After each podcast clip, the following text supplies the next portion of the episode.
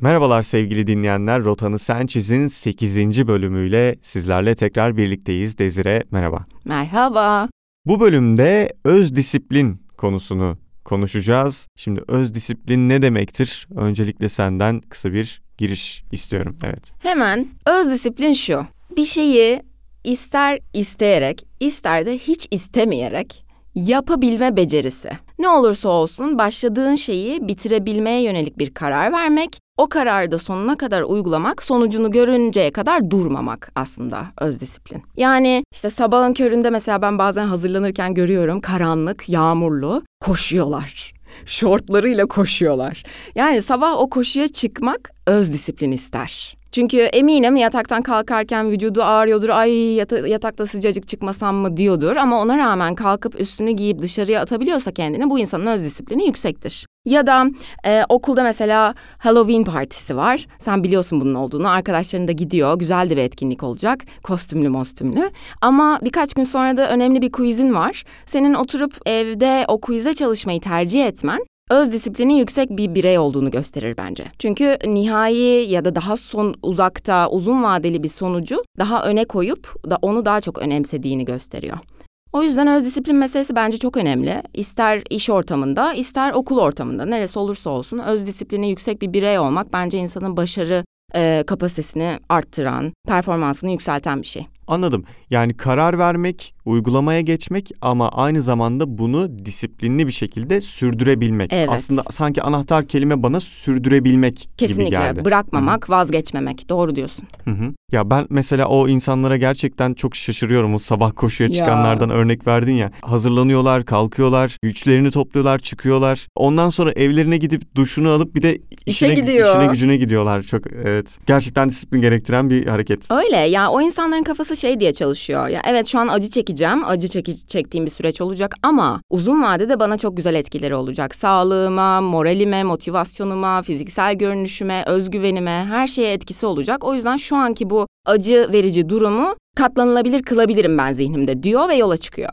Hı hı. Tamam ama yani şimdi herkes spor yapmak istemeyebilir. Tabii. Herkes farklı konularda kendini disipline etmek isteyebilir. hı hı, yani hı mesela hı, başka ne gibi örnekler verebiliriz? Ee, işte ders çalışma alışkanlığı bence öz disiplinin ortaya çıktığı bir şey. Ee, herhangi bir konuda gelişme göstermek istiyorsan öz disiplinin yüksek olmalı ki sürekli. Çünkü gelişme süreklilik ister. Senin de dediğin gibi sürdürme becerisi yani. O yüzden dil öğrenmek istiyorsan orada da öz disiplin gerekiyor. Daha iyi bir konuşmacı olmak istiyorsan orada da öz disiplinle çalışmalar, pratikler yapman gerekiyor. Bir tiyatro oyuncusuysan mesela Değil mi? Var aramızda öyle birileri. Evet buradan bana geliyor galiba. Evet.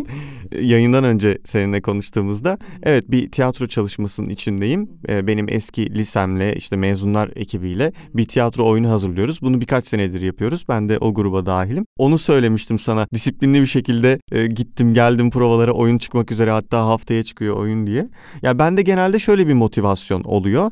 E, Bir şeye başladığım zaman onu tamamlama motivasyonuyla ben aslında devam ediyorum. Yani ben sürdürülebilirliğimi bu motivasyonla sağlıyorum. İşte ekiple birlikte çalışmaya başladık. O oyun çıkana kadar ben ne oyunu yarım bırakmalıyım, ne insanları yarı yolda bırakmalıyım. Hmm. O oyun bir şekilde tamamlanmalı iyi bir şekilde diye gidip geliyorum provalara. Ne kadar yorgun olsam da, ne kadar bazen gerçekten ayaklarım geri geri gitse de gittiğim zaman ama neşem yerine geliyor. Motivasyonumu geri kazanıyorum. Kendim için bir şey yapmış olmanın enerjisiyle. Evet o bir haz veriyor insana. Yani e, kendine verdiğin sözü de tutmuş olmanın verdiği bir keyif oluyor. Ve nihayetinde alışkanlıklar bölümünde de bahsetmiştik aslında. Hep bir ödülü varsa eğer tekrar etmeye daha meyilli oluyorsun. Sen oraya gittiğinde iyi hissedip arkadaşlarınla sosyalleşip bir şeyi başarmış olmanın verdiği güzel keyfi aldıktan sonra bir sonraki provada Yine prova öncesi gitmek istemediğinde o hislerini hatırlıyorsun. Ya ama gittiğimde iyi olmuştu. Son prova güzel geçmişti, eğlenceli geçmişti diye hatırlatıp kendine tekrar hani evden çıkma şeyini gösterebiliyorsun. Nasıl diyeyim?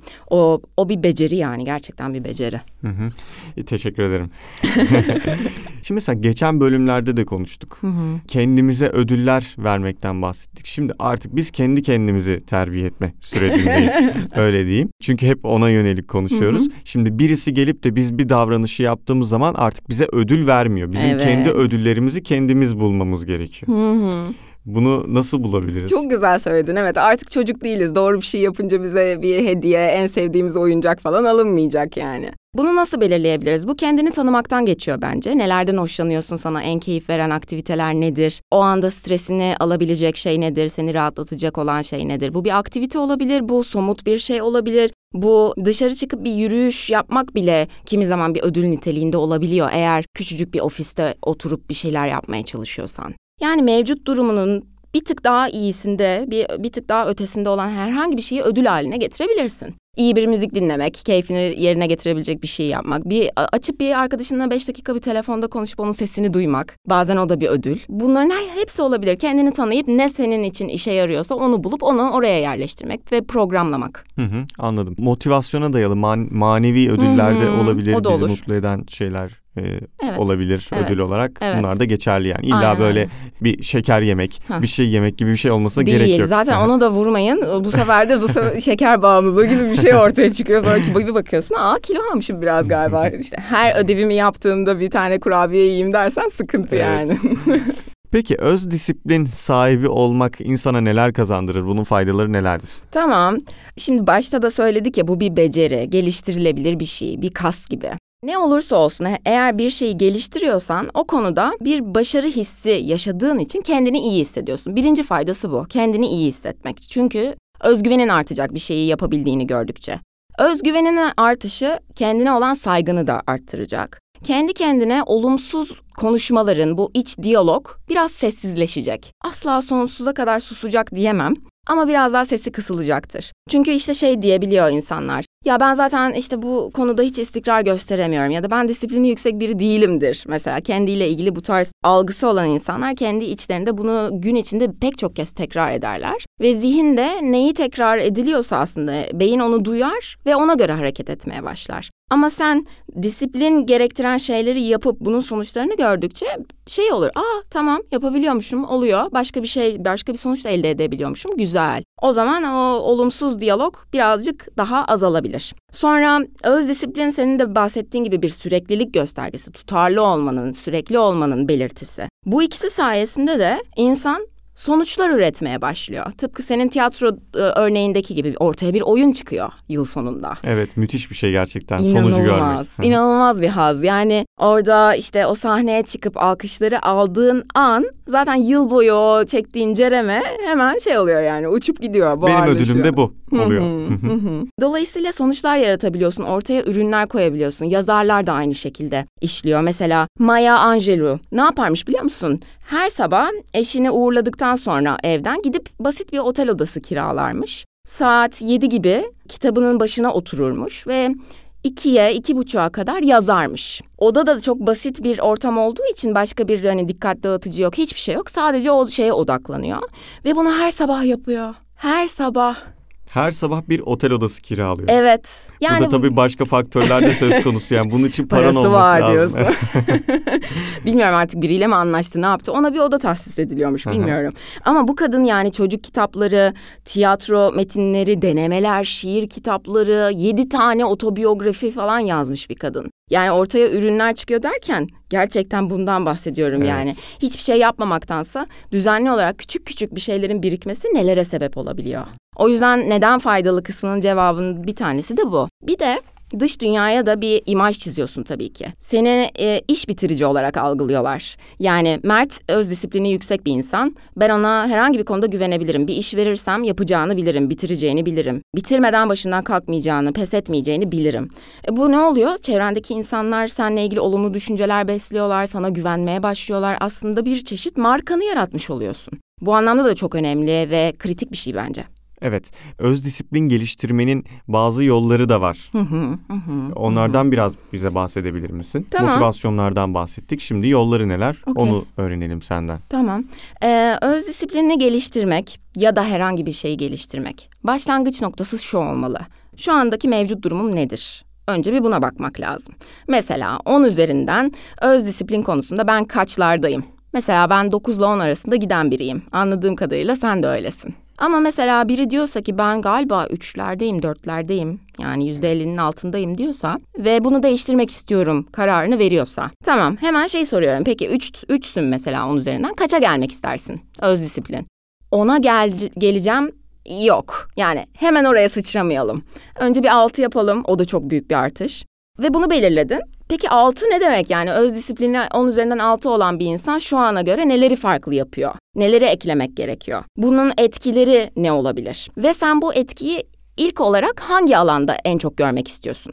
Mesela ders çalışmak öz disiplinini geliştirmek istiyorum. İlk olarak bu alanı seçiyorum ben kendime. Çünkü hayatının bütün alanlarında disiplini yüksek bir insan olmak gibi bir hedefle yola çıkarsan bu çok büyük bir hedef olduğu için bir noktada yorulup ben buraya ulaşamayacağım galiba deyip bırakma riskin çok yüksek. O yüzden küçük bir alan seç. Şimdi öz disiplininin yüksek olunca ne olacak? Bunun sonucunu belirlemezsen motivasyonun yolunun bir noktasında düşebilir, kaybolabilir. Ama ben bunu geliştirirsem sonuçları şöyle olur. Not ortalamam şöyle yükselir. Not ortalamam yükselirse yüksek lisans programlarına kabul edilme olasılığım yüzde seksen artar. Kabul edildiğimde iş bulma olasılığım yüzde doksan artar gibi böyle şeyler mümkünse rakamlarla söyleyebiliyorsan çok daha inandırıcı kendini de inandırmış oluyorsun aslında bu duruma. Zincirleme olarak hayatında nasıl etkileri olacak bunun?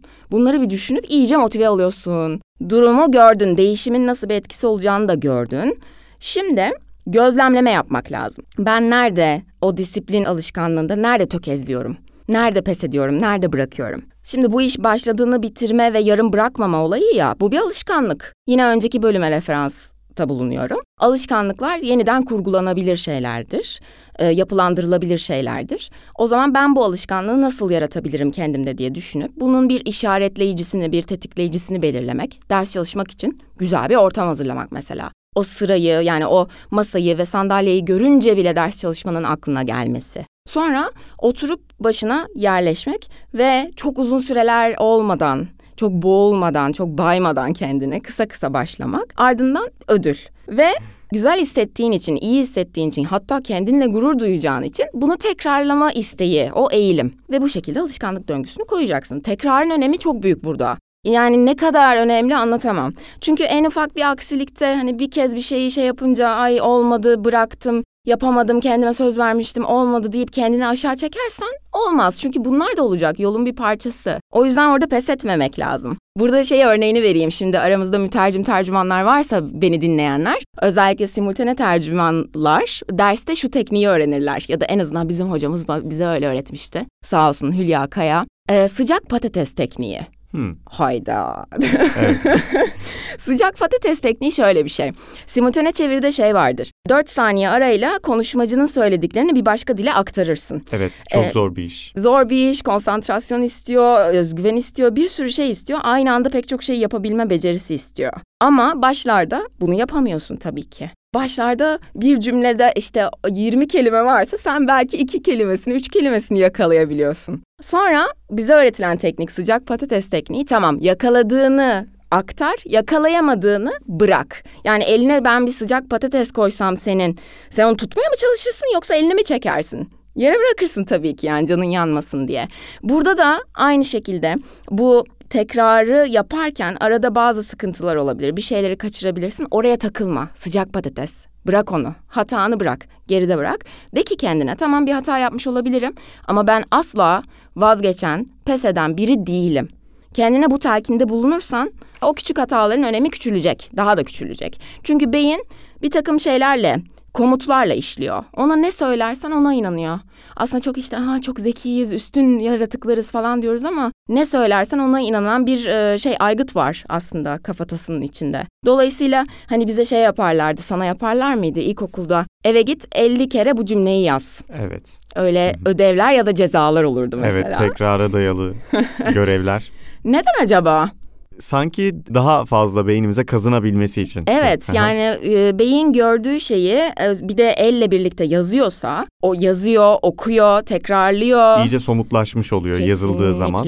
ve ona inanıyor. Ona dönüşüyor hatta. Dolayısıyla ben şunu önerebilirim öz disiplinini geliştirmek isteyen bir insana yaz. Bunu bir kağıda yaz. Belki her akşam yatmadan önce 10 kere şu cümleyi yaz mesela. Ben öz disiplini yüksek, sorumluluk sahibi, yapması gerekeni yapan biriyim. Yapmam gereken neyse hemen başına geçerim ve asla vazgeçmem. Tamamlayana kadar da içim rahat etmez. Bu cümleyi 10 kere yazıp mesela bir ay boyunca bu cümleyi okuyarak yattığında aynı insan olman mümkün değil bir ay sonra.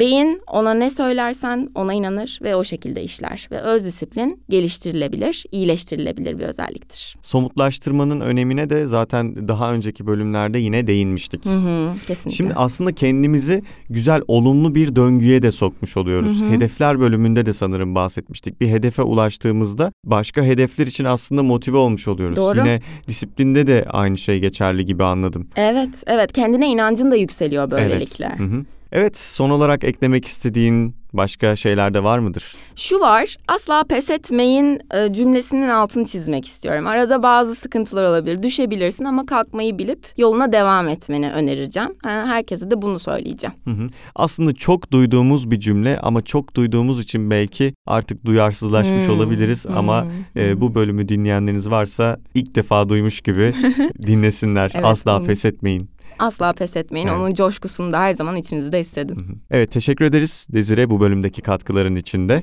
Ben teşekkür ederim. Bu bölümün de sonuna geliyoruz arkadaşlar. Bizlere konu önerilerinizi radyo yasar.edu.tr adresinden iletebilirsiniz. Görüşlerinizi de yine aynı şekilde iletebilirsiniz. Yaşar Üniversitesi'nin Instagram hesabından paylaşıyoruz aynı zamanda bölümleri teaserlarla paylaşıyoruz. O hesaba da yazarak yine bize ulaşabilirsiniz ya da medya merkezine gelebilirsiniz. Evet sonraki bölümlerde yeniden görüşmek üzere diyelim. Hoşçakalın kendinize iyi bakın. Hoşçakalın.